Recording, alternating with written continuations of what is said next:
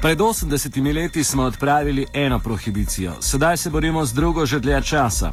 Še en teden imate časa, če hočete oddati podpis za tri predloge zakonov oziroma da omogočite njih romanje v parlamentarno proceduro. Gre za predloge zakona o samozdravljanju, zakona o konoplji in zakona o osnovnem bivanju. Pobudo voljivcem je vložitev, za vložitev predloga je 24. septembra podal predsednik slovenskega konoplinjega socialnega kluba Jaka Bitenc, obenem upa, da bo uspelo predvsem pri zakonu o konoplji. Ta je tudi najbolj obširen, ima 87 strani. A če tudi uspe zbiranje podpisov, ostaja majhna možnost, da bo sprejet. Pobudniki pravijo, da bi s takšnim zakonom razbremenili zdravstveni sistem.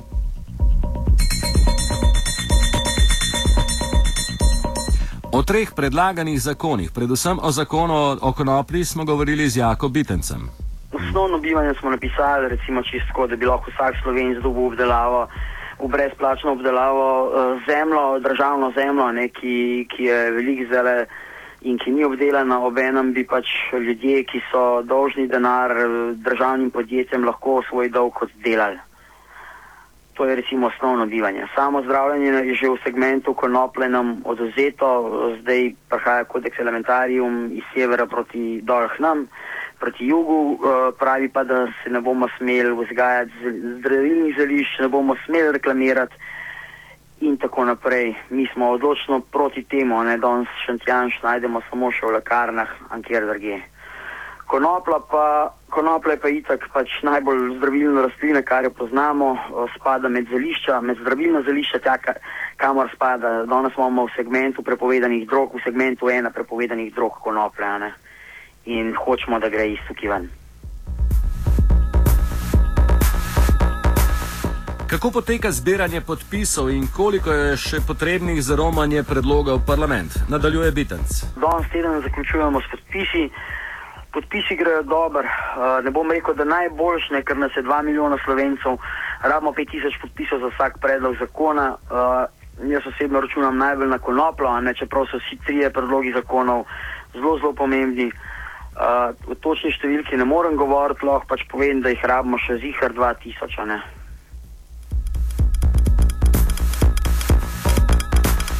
Predlog zakona o samozdravljanju predvideva, da se lahko vsak posameznik odloča, s kakšnimi zdravili se bo zdravil. Jaka Bitenc. Samo zdravljenje, samo zdravljenje pa konoplja, recimo v segmentu konoplje, bi nam pr prvo, kar nam bi prinesel, razbrem razbremenil bi uh, zdravstveni sistem. Ne? Ki je, ki je že danes zelo napsuvan. Obenem, obenem bi dovolili slovencem, da si sami uh, proizvajamo zdravilna zelišča. O kakšnih količinah pridelave govorimo v omenjenih predlogih zakonov? Gre za to, da bi si lahko vsak polnoletni slovenc na leto proizvedel do ene kile konoplje, uh, se pravi, bi imel samo skrbo s tem, razbremenil bi se črn trg med drugima.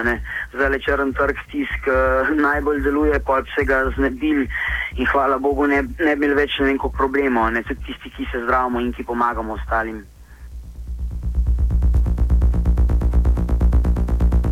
Tomaš Koren iz organizacije konoplja.org, strokovnjak z področja konoplje, nima posem istega mnenja o konoplji kot Bitenc. Pravzaprav gre tudi dileme, da imamo na, v bistvu na eni strani ideologijo, uh, bomo rekel, Flower Power Generation pristopa, to je ideologija konoplja zdravi vse bolezni ali konoplja bo rešila svet. Na drugi strani pa že imamo v bistvu trg, ki je dejansko kontroliran in je že tudi dovolj raziskan, da lahko recimo se reče, da konoplja lahko v molekulah pozdravi določenega tipa raka ali v bistvu to, kar se že pa ve, da lahko tudi blaži določene simptome bolezni. Ne?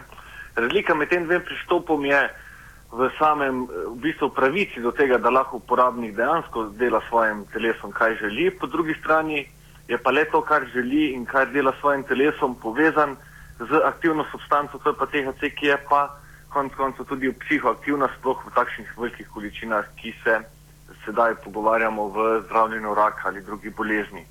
Zdaj, razlika je, če lahko omenim, trg, ki se je razvil v Ameriki, v določenih državah, ki že imajo v bistvu konopljo legalno, je pravzaprav nastal isti problem, ki se je že pri nam tudi srečujemo z problemom in to je kvaliteta, nadzor in se pravi, kaj pravzaprav uporabniki uživajo.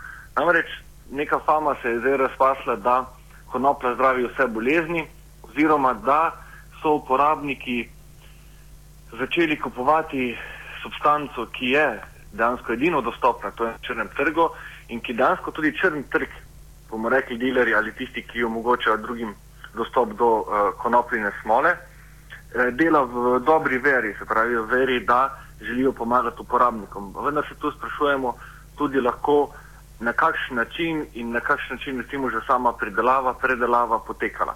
Namreč sama standardizacija je v bistvu potreba po, da se dejansko trg stabilizira, ni samo to, da bi rekli, eh, uporabnik lahko za sebe goji deset rastlin in potem bomo rešili problem, ampak to je v bistvu bolj kompliciran problem, ker se le ukvarjamo na eni strani z uporabniki, ki uživajo konopljo kot eh, za medicino, spravi medicinsko konopljo, na drugi strani pa uporabnike, ki dejansko rekreativno uživajo konopljo in posledično se pogovarjamo v isti konoplji, ne, se pravi v isti rastlini, v katerih ima isto zdravilne učinke ali psihi, se pravi učinke, ki želijo v bistvu imeti uporabniki kadi konopljo.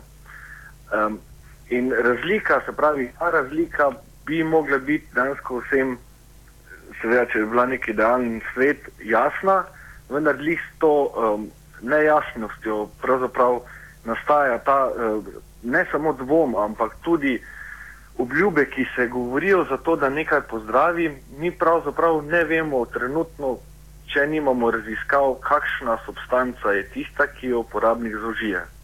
Ker to so v bistvu podatki, katerih tudi farmacija ima podatek, recimo v kanabinoidih, koliko kanabinoidov mora človek zaužiti, recimo, da mu simptome multiple skleroze eh, blaži.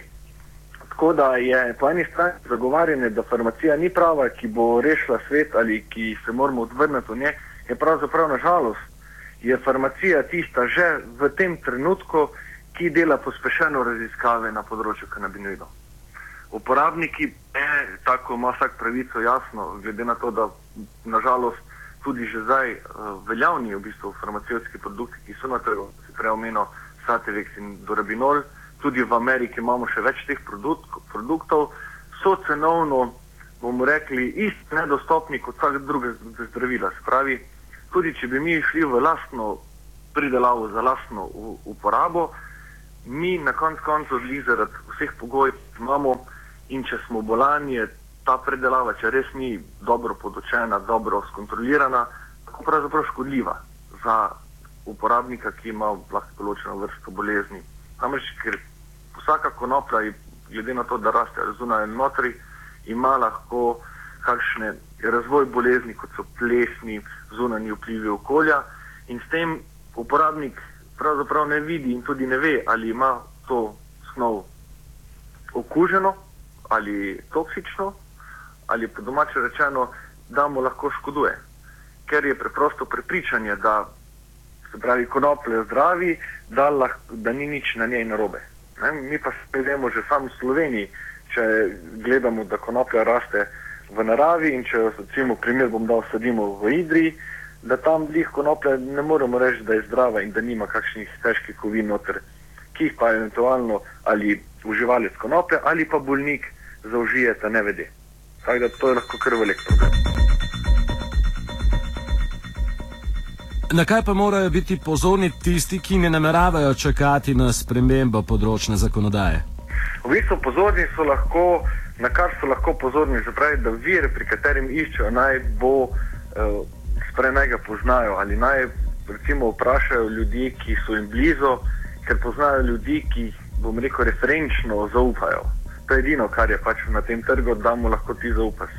In vsi ti v koloni iskanja se zavedajo, za koga je ta substanca in v upanju, da bo dobili, se pravi, da tudi preverijo, ali ni sama konoplja že osnovna surovina, ki jo dobijo plesniva, ne smrdi in čudno izgleda. V tem primeru se raje ne odločijo za ta nakup. Če kupujejo tinkture ali ekstrakte, ekstrakti v bistvu so lahko, se pravi, ali so čisti, lahko pogledajo vizualno, se pravi, če ima neko na tanko steklo da in potem penetracijo svetlobe skozi to smolo se lahko vidi, ali je dovolj čist ali ni. To je vizualni učinki, ki jih lahko samo uporabnik naredi.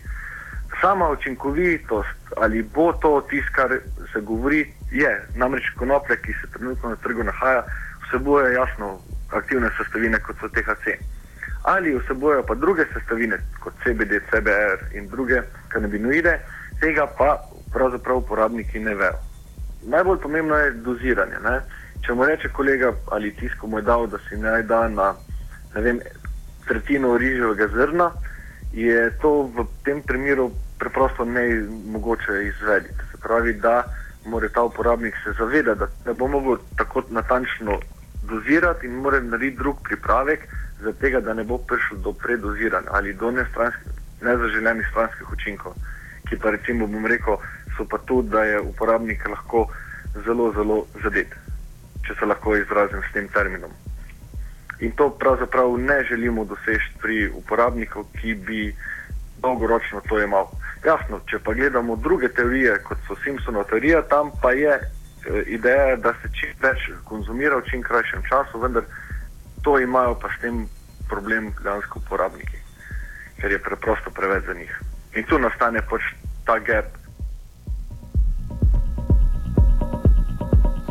Pripravljalci konopline smole pa nikar ne pozabite na dekar dekarboksilacijo. Marihuana, mislim. Ne, ne, ne, prosim, no, ne, prosim, no, gospod, ni pove marihuana. Deno, deno, deno, dobro za vse ljudje, dobro za marihuana, ampak, ampak za policijo ni dobro. A vi ne.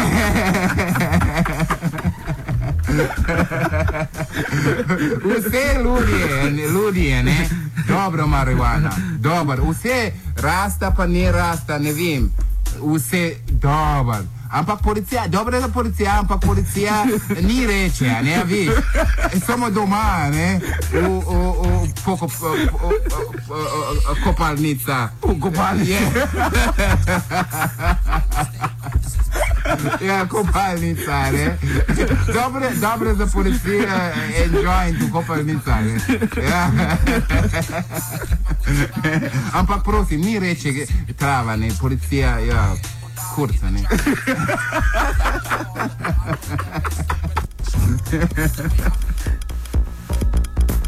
Offside sta pripravila Urh in Vanec Žiga.